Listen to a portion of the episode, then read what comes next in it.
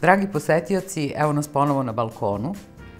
Mi ovde imamo običaj da ugostimo one ljude čiji je životni put jedan bogat putopis, a, jedan put pored koga stoje razni neki simboli, e, ljude koji te simbole čitaju na jedan specifičan način i koji možda mogu vama da daju neke putokaze i smernice. Nadam se da ćete uživati i u ovom razgovoru.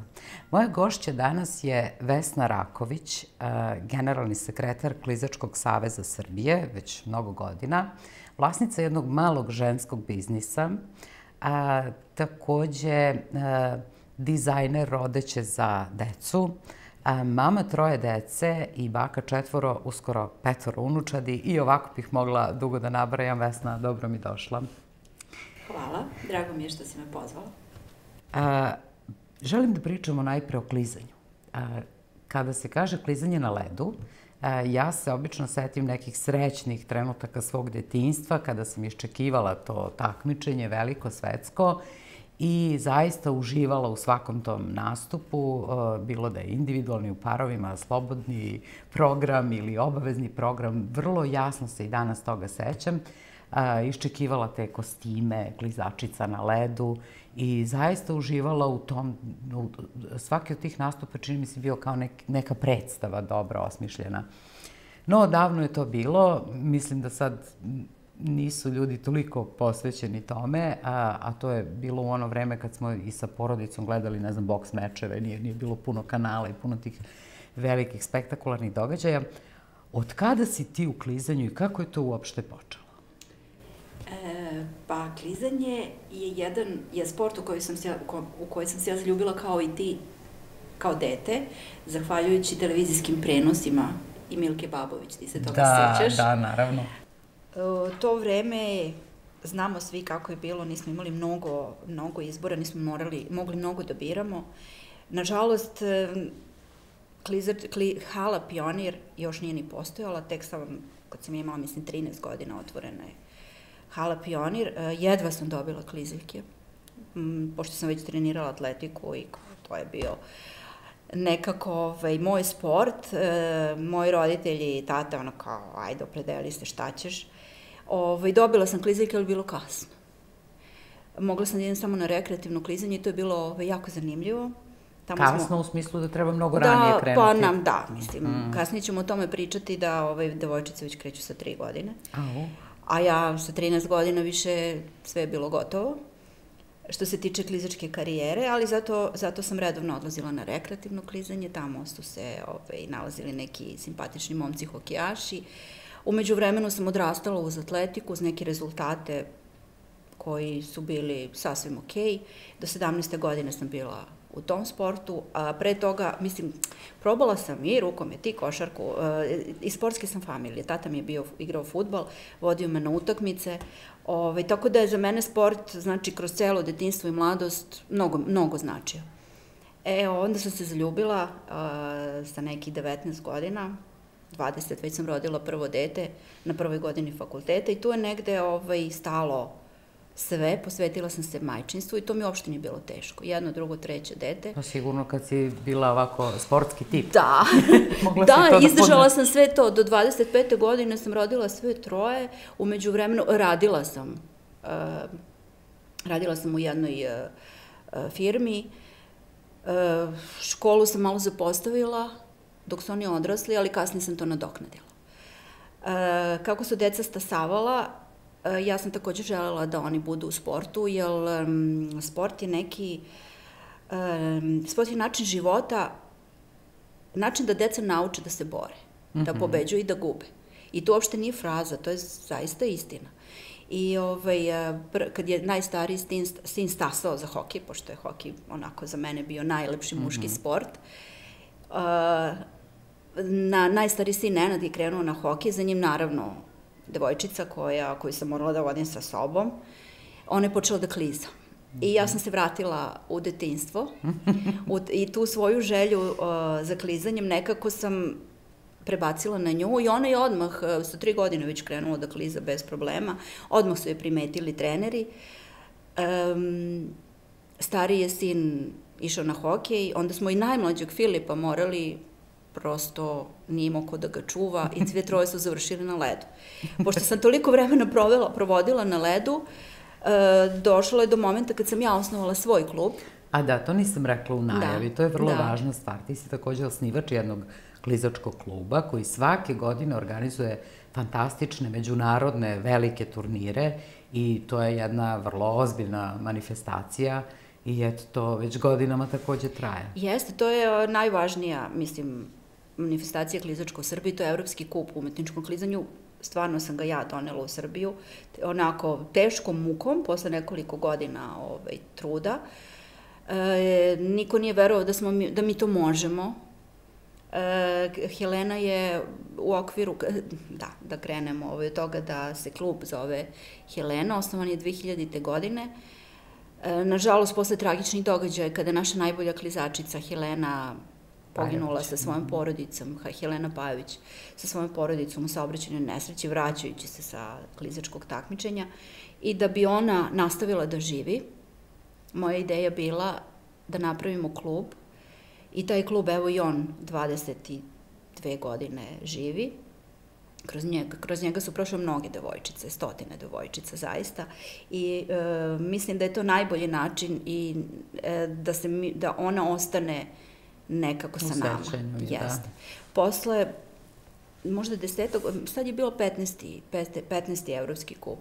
Helena, um, posle nekog vremena uh, krenula sam organizaciju takmičenja i to se pokazalo kao zaista sjajan potez, jer sada na naše takmičenje dođe preko 300 takmičara iz celog sveta, bukvalno. Znači Meksiko, Južna Afrika, Indonezija, ne znam odakle, sve Indija, stvarno. I to nije stalo čak ni u ovo vreme nije korone. Nije stalo ni u ovo vreme znači, korone. I prošle da. godine smo uspeli, čim se otvorila, otvorila mala prilika da se takmičenje, takmičenje organizuje, mi smo imali Helenu i stvarno su nam svi bili zahvalni. Jer valjda su se ljudi osjećali... Poželeli isto, jest. da. I nigde nije bilo takmičenja, mislim da smo mi bili prvi uh, u Evropi koji smo uspeli da, da organizujemo. Mm -hmm. Nije bilo toliko takmičara, bilo nigde 180, ali smo mi bili prezadovoljni. S obzirom na to da je Helena Pajević privatni klub, tvoj, ti si ga osnovala, Jeste, to je... da li je teško organizovati tako velike manifestacije, mislim na svu logistiku, podršku koja je potrebna za takvo jedno takmičenje, toliki broj takmičenja, pomaže li neko takva takmičenja? Pa ja sam, ja sam timski igrač i volim dobar i uigran tim i već ga i, mislim, imamo ga, zaista. I sad je sve to skoro rutinski. Što se tiče finansijske pomoći, imamo pomoć iz, od Međunarodne federacije koja je prepoznala da, Helenu, imamo pomoć i od e, grada i od Republike. Tako da to već traje godinama, veruju svi u nas e, i zaista e, mislim da mislim da je to pravi put da se klizanje razvije u Srbiji, mada mm -hmm. je to mhm. jako teško. Imamo jednu dvoranu u Beogradu, jednu u Novom Sadu, uslovi za treninge su, treninge su zaista loši. loši.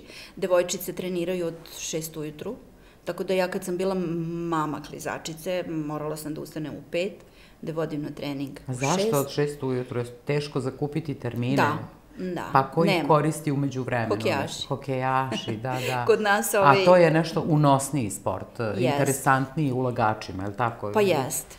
Imamo mhm. Zvezdu i Partizan, mislim, da, samo da, ime da. kaže. U okviru velikih klubova. U okviru velikih hokej, klubova, klubova, njih da. ima naravno više, mm -hmm. dečaci su glasniji. Na, Eto, dominacija, a, muška predominacija, znači. Uvek. Da, uvek. da, da. Dobro, ovaj, uh, htela sam da te pitam, m, zapravo ovo su sve činjenice iz tvog života i događaji koji su doveli do ovde, do ove tačke na kojoj se sada nalaziš, ali šta je za tebe kao ženu klizanje na ledu?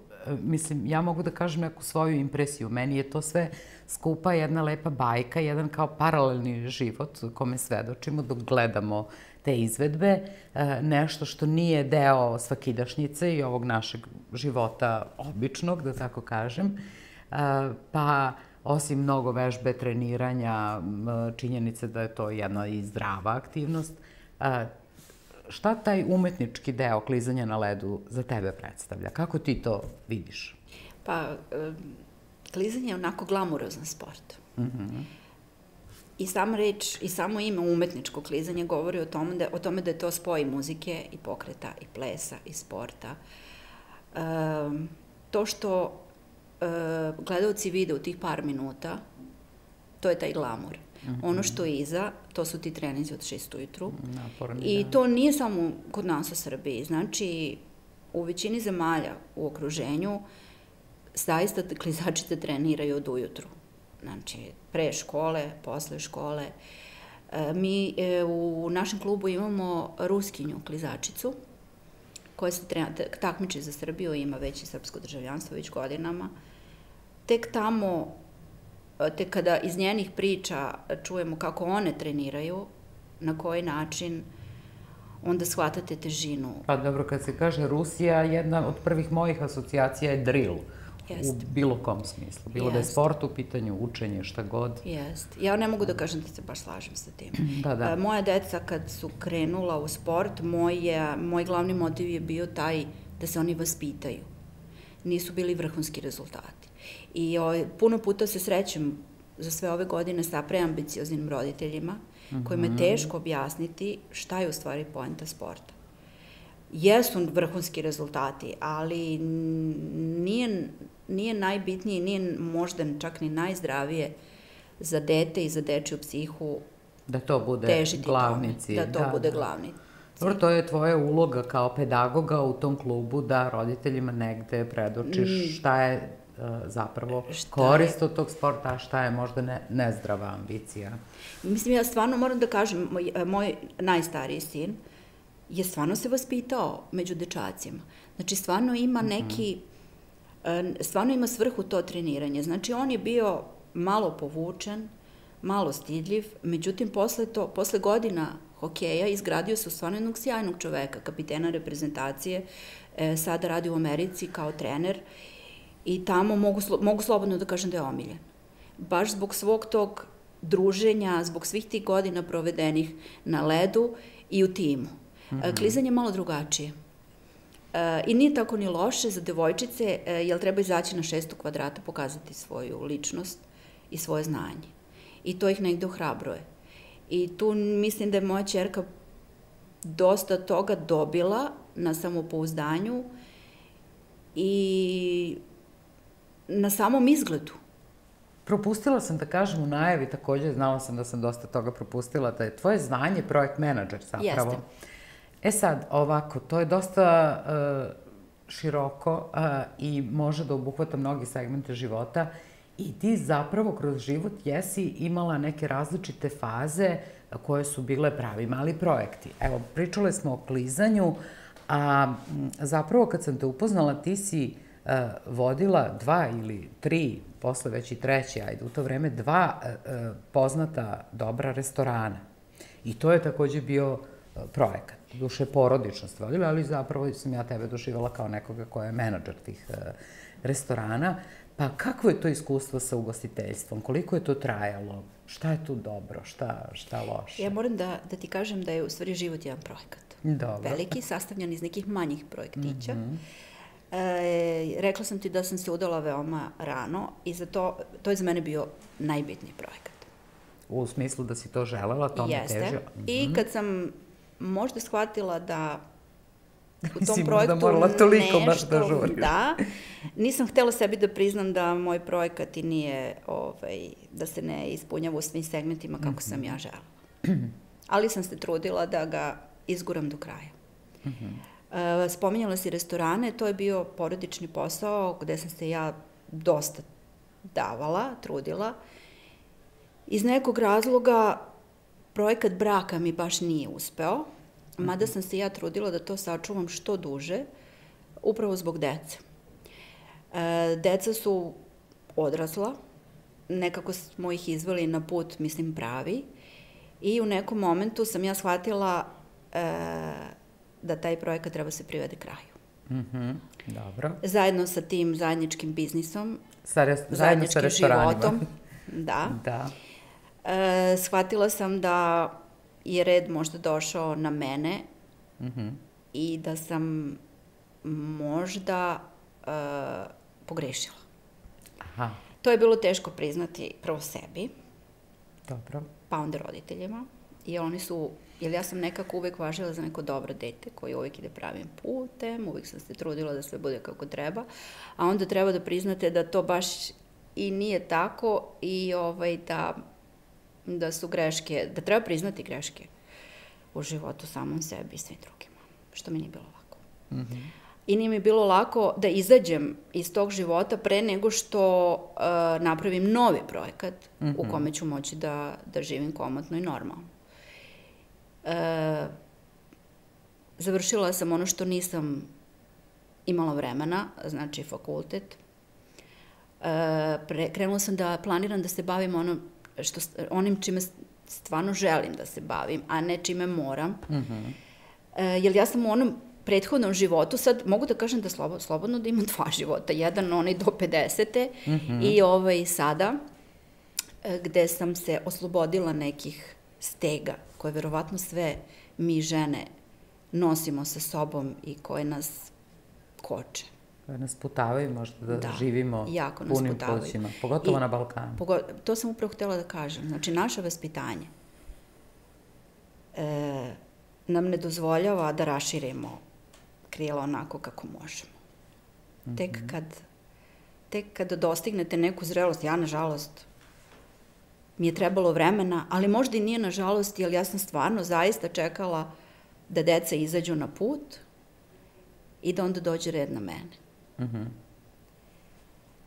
e, ne znam da li bi to svima savjetovala, jer je zaista težak put, naročito u Srbiji. Znači, vi morate, ja sam barem tako mislila, da ne mogu da e, započnem neki novi život bez plana. Da i morala sam da planiram nekoliko godina šta bi, kako bi, kako bi obezbedila sebi egzistenciju. Te sam u 50. godini izašla iz cele priče bez ičega. Uh -huh. E, kupila stan na kredit, organizovala mali biznis sa dva radnika na, početku. E, to me jako interesuje. Koji mali biznis? Da damo postreka ženama koje možda imaju dilemu ili uh, sumnju da li će moći Koji je to mali biznis? Kako se to kreće sa, sa dva zaposlena? Pa teško. Prvo krećete sa idejom e, šta je ono što sa 50 godina onda valjda konačno znate šta želite. Mm -hmm. Ja volim nešto što je kreativno i jako volim decu. Mm -hmm. e, I mislila sam da je pametno da konačno radim ono što volim. E, organizovala sam jednu malu proizvodnju dečijih stvari, najpre za bebe do godinu dana, a onda, evo, to je već četiri godine, za četiri godine smo uh, došli do uh, odeće za decu do 12 godina. Divno. Pa je za mame. Ove, ovaj, uh, u firmi imali smo, nisam vam rekla, imali smo, uh, moja firma imala jednog muškarca i jednu ženu, a sada je nas osam žena, Sve su mame, bake, ženski tetke, ženski biznis. Da. I to vrlo lepo funkcioniše. Ja sam dozvolila svojim zaposlenima e, da učestvuju u svemu, u, kri, u svakom... U kreiranju brenda i... Bukvalno. Mm -hmm. Znači, u svakom, e, svakom segmentu posla one učestvuju. Stvarno, kao, e, dozvoljavam im da kažu šta misle i to je uvek vrlo korisno. Svaka od njih mm -hmm. i svako od njih ima šta da kaže i u svakom našem proizvodu um, se vidi taj timski rad. E, skoro smo dobili poruku od žene od, na Instagramu, pošto imamo Instagram profil, koja je napisala a, kakvo, kakvo to ruke i kako to srce može da napravi ovako nešto. A radi se o suknjici za, za bebe, bukvalno. E, da. Koje, mislim, stvarno... E, ja sam videla na tom Instagram profilu puno dece koja su da. zapravo manekeni, promoteri yes E, garderobe i sada znam za e, neku decu da su tvoje zapravo unuke, Hana i Nera, Jeste. dve devojčice divnih imena, i, ali ima tu i druge dece. Koja su to deca? E, to su naši mali zadovoljni klijenti, njihove majke koje time žele da nam se zahvale. Aha, pošalju snimak pošalju, u garderobi. Da, da, zato to su, znači, e, nema, naši su modeli pravi, znači nema ničeg montiranog, naše su fotografije iz našeg proizvodnje, mm -hmm. sve same radimo. Um, imamo još jedan, uh, uključile smo i uh, dve divne vezilje, mm -hmm. uh, jel uh, u moru proizvode iz Turske, Kine, velikih brendova, mi smo morali da pronađemo svoj put. Jer mi ne možemo da se takmičimo s velikim brendovima, a ni sa cenom sa kinezima i mm -hmm. proizvodima iz Turske i želeli smo da budemo drugačiji i originalni. I uh, imamo svoju ciljnu grupu uh, i uh, često nam majke uh, šalju svoje predloge. Mm -hmm. I baš smo dobili uh, upit od majke jedne bebe koja je želela nešto originalno i nešto domaće srpsko. Mm -hmm. uh, od srpskog platna smo napravili haljenu. Divno. Sa ručnim vezom.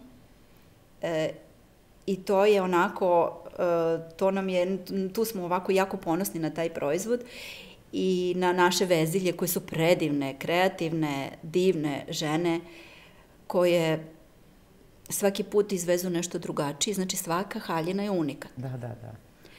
E, A pa to je već sada, da kažem, grana a, neka grana ovog modnog brenda gde bi moglo da se govori i o izvozu i možda nekoj podršci, podsticaju od strane države. Evo samo dajem ideje. Ideja je sjajna, pa, da. nadam se da će nas neko prepoznati. A, za sada mi imamo e, koleginice u Bosni i u Crnoj Gori e, koje prodaju naše proizvode. Mm -hmm. I to je naš mali izvoz, mi smo na to e, ponosni. Dobro. U Sloveniju takođe izvozimo, nije da, da samo radimo uh, sa srpskim tržištem. Sa da. srpskim da. tržištem. Uh, u Sloveniji smo premili ceo jedan hotel, koji mhm. izgleda stvarno lepo, to je jedan mali planinski hotel i ja sam bila u njemu skoro i lepo je videti i spavati uh, u posteljini koju je napravila vaša firma, gde vidite Divno. vaš brand. Oni su nam dali odrešene ruke, moram da kažem da sam se toga malo uplašila jel došla sam u hotel, oni su rekli evo, evo vi uradite šta mislite da treba. Mm -hmm. To je bilo na početku uh, moje uh, mog malog biznisa. Da, i već i uređenje uh, ovaj, interijera nije baš ovaj samo... Bila sam uplašena, ja sam rekla dobro, mogu ja to, no, naravno, nisam smela da odbijem takav posao. I onda sam bukvalno krenula u avanturu pronalaženja materijala, motiva, motiva svega i svega. Uh, shvatila sam da ovde kod nas ne mogu da pronađem ono što želim i zaputila sam se u potragu za materijalima u inostranstvo. Uh mhm. -huh. I mogu da kažem da sam u tom svom lutanju i traženju uh, materijala pronašli prijatelje koji su mi pomogli konkretno recimo u Istanbulu. Uh mhm. -huh E, dobila sam od materijala šta sam želela, kvalitetne i drugačije materijale. Sve smo to pripremili ovde u Srbiji, poslali u hotel i ja nisam videla kako to stoji i kako to izgleda tamo. Sad sam prvi put videla i ja sam stvarno prezadovoljna. Bukvalno mm -hmm. neviđeno smo ih opremili Odlično. i sve je jako dobro. Dobro, to je bilo negde na samom početku rada ove male fabrike, Jest. tako da je to dalo vetar u leđa, Jest. mogu da kažem. Super. E, Vesna, hoću da se za trenutak vratimo na jedan segment tvog života koji nije zanemarljiv, a koji ti je donao puno ovaj, nekih novih iskustava. Radi se o putovanjima i a, osim što je bilo dosta tih individualnih putovanja i porodičnih u tvom životu, e, dosta si putovala i kao neko ko se nalazi na čelu a, Klizačkog saveza Srbije već 20 godina a, to su vaši susreti godišnji ili ne znam koliko ih puta godišnje ima, ali su uvek na nekim interesantnim destinacijama, pa si tako imala prilike da vidiš bukvalno ceo svet. Kakva su to iskustva? Ja moram da kažem da su najlepše iskustva sa tih putovanja upoznavanje ljudi. Mm -hmm.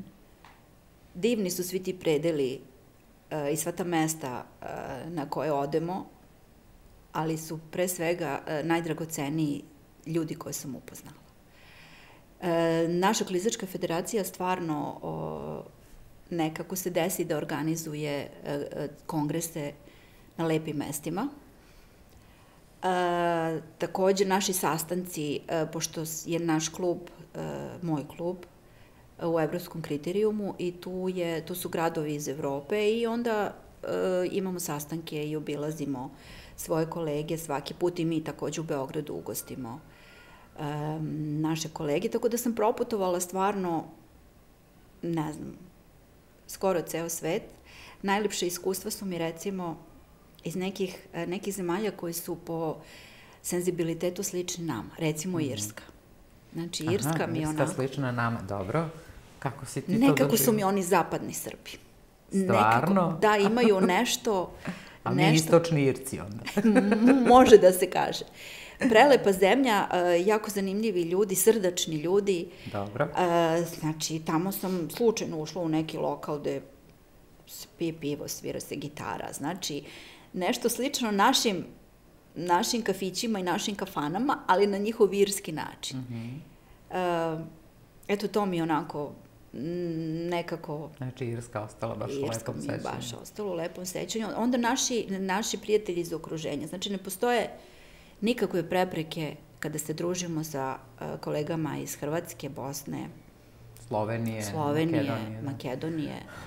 Znači, tu zaista doživljavamo jedni druge kao prave prijatelje. Najbliže, da. I jako se dobro držimo na svakom uh, od tih događaja. Uh, znači, mi smo jedna ekipa, mm -hmm. bukvalno. Znači, to je divno. Da. Da. Skoro u svakom o, naših razgovora na balkonu provuče se ta neka nostalgična nit. Evo, kogod nam je bio gost, a to su sve ljudi koji su jedan deo života živeli u toj velikoj zemlji. Ovaj, sve što imamo o tome da kažemo je lepo. Jeste. I ove mlađe generacije, znači e, e, deca koje dolaze u Srbiju, e, iz Hrvatske, Slovenije, Makedonije, Bosne, mhm. -huh. isto tako uživaju u druženju. Da, govoriš govorimo o klizačima. Isto, govorimo o klizačima. Pa dobro, jedna sjajna stvar, osim toga što su neku priču o, o toj bivšoj velikoj zemlji poneli iz kuće, čuli, verovatno, ima i ta sjajna stvar da je naš jezik vrlo sličan, da se mi razumemo bez prevodilaca. I to je dobro, to je super. Dobro, a sada ćemo opet reč dve o ovom zaokretu ili preokretu u tvom životu posle 50. Uh, ti si to sada onako racionalno objasnila da je bilo potrebno da pripremiš teren, da izađeš iz svega toga, uh, zašta si procenila da je bilo pogrešno ili da je postalo pogrešno, nije važno šta od toga. Uh, I da to, taj zaokret nije bio ni malo lak, uh, pogotovo ovde na, na ovom podneblju. Sada si u tom drugom životu, po znacima navoda, već nekoliko godina, ne znam tačno koliko, pet možda. E, 2018. Da, pa, pa eto, četiri, da, da. četiri, pet godina. E, je li sada lakše? Je li sada, posle tih nekoliko godina... Pa jeste. E, meni se čini da je to bukvalno drugi život. Mhm. -huh. e, nije mi, e, bilo mi je teško dok nisam odlučila da li je to ispravno, da li nije. Umeđu vremenu najmlađi sin se razboleo, pa je tu negde bio, ja mislim, najveći lom. Jer meni se čini, možda nisam u pravu, da sam ja podnela teret svega toga i odgajanja dece. Možda, možda nisam u pravu, ali nekako osjećam taj teret da sam sama iznala i ta njegova bolest je negde prelomila. Je bio kidač. To je bio kidač, srećom sve se dobro završilo sve je u redu, ali bilo mi je teško da odlučim, ali kad sam zatvorila ta vrata, ja sam zaboravila sve. Mhm. Znači, Udahnula nema, si vazduh. Udahnula sam vazduh, nisam bila više ljuta ni na mhm. koga. To je vrlo važna konstatacija. Da, ni na sebe više nisam bila ljuta. -huh. Znači, poč, počeo je neki drugi život. Oprostila si sebi. Oprostila sam i sebi i drugima sve. Zapravo mi smo u ljutnji, u otporu, u, u tom osjećanju da ne možemo sebi nešto da oprostimo, sve dotle dok ne napravimo taj zaokret. Jeste, I dok priznanje. ne doneseš odliku, odluku i priznaš, to je to. I posle toga sve treba ostaviti za sobom. Mm -hmm. Zaista se ne treba ljutiti ni na koga. Da. Jer onda možete da krenete dalje. Da. A taj zaokret i to, mislim, mi smo negde vršnjakinje i tek sada vidim da nisam jedina u tome. Mm -hmm. Znači, mnogo žena, da li se nešto promenilo u društvu? da li su se žene oslobodile, emancipovale. E, dosta toga se menja i dosta ima hrabri žena sada. E, ja znam i dosta žena koje bi preduzele nešto, ali e, zbog ekonomske situacije koja je takva kakva jeste i nemogućnosti da e, tako brzo započnu nešto novo što bi im obezbedilo egzistenciju, se ne usuđuje prosto na taj korak. A podrška države, kao što znamo, nije baš takva da na nju može da se računa, ali evo ovog trenutka sam se setila, moja najbolja drugarica živi u Amsterdamu i ona se razvela davno, davno, ima tome možda blizu 30 godina, odmah u prvoj godini braka zapravo čim je rodila dete. istog trenutka, zbog e, toga što je suprug bio nasilan i ovaj, sklon raznim porocima, istog trenutka joj je opština našla smeštaj za nju i dete i dobila je socijalnu pomoć dovoljnu da izdržava sebe i dete. Istog trenutka, iste noći je bila smeštena, prvo je to bio neki hotel, a onda uh, je, su dobili adekvatan smeštaj, odličan smeštaj, mislim da to ovde ovaj, stvarno ne postoji. Ni sada, a kažem u nekom razvijenom svetu, jer još pre 30 i više godina to, to bilo normalno. Tako da, ovaj, e, ne znam, mogu da se složim s tobom, sa tvojom konstatacijom da se sve češće dešava da žene preduzimaju neke korake da izađu iz onoga što nije dobro, ali da je to još uvek otežano zbog situacije koja je takva kakva je u našem društvu. Pa Jedna je ekonomska, druga je osuda.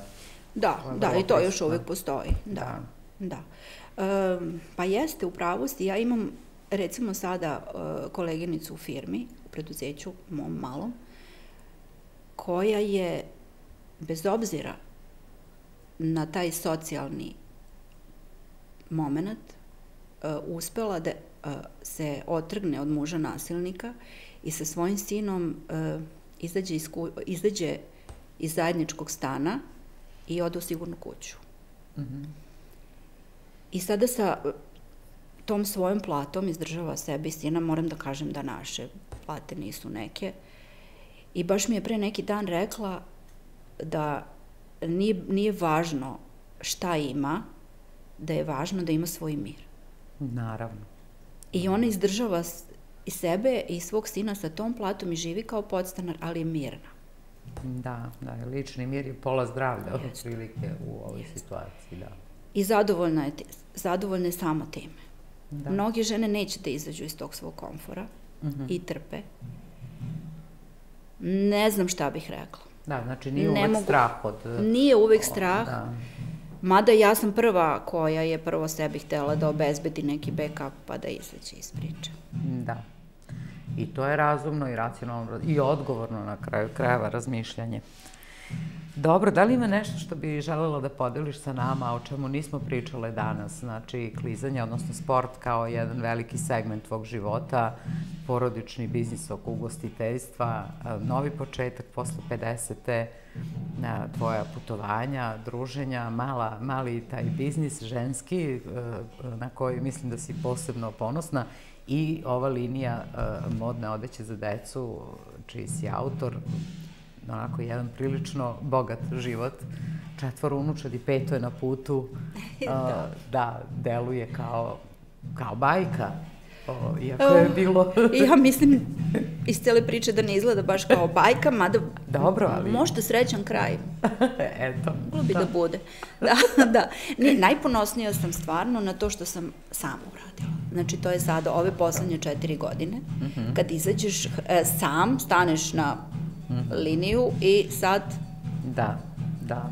Sve zavisi od tebe. Sobstvenim snagama, da. E, moram da kažem da se mnogo puta zapitam da li je pametno, da li e, da li mi neko treba sada u životu, da li ti treba ta podrška muškaraca.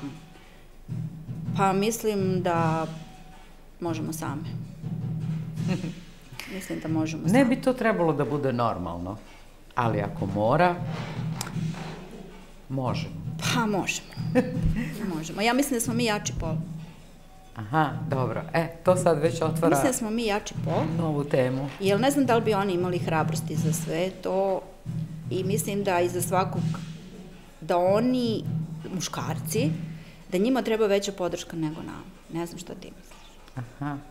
Jer oni ja nekako sami nekako, ne znam, mislim da je lakše nama samima sa sobom nego njima.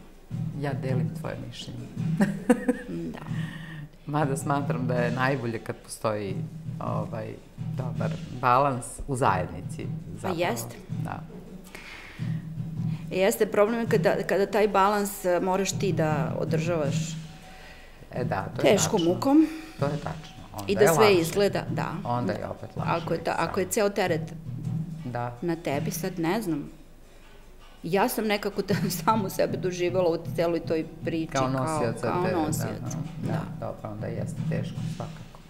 Da ne budem ja uh, nekako, pa ne znam, da ne bude da se ja sad tu, da sam žrtva nisam. I bio je to lep život.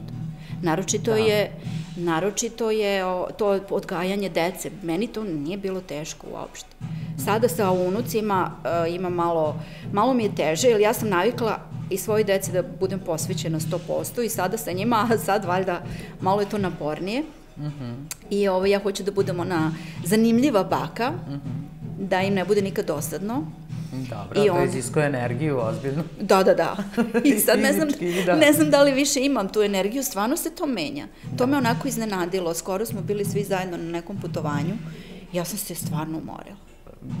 Ova, ili su de, današnja deca malo drugačije, sad ću da zvučim kao one prave pa, dobro, babe. Drugačiji nego pre 30 godina. Današnja deca, da. da.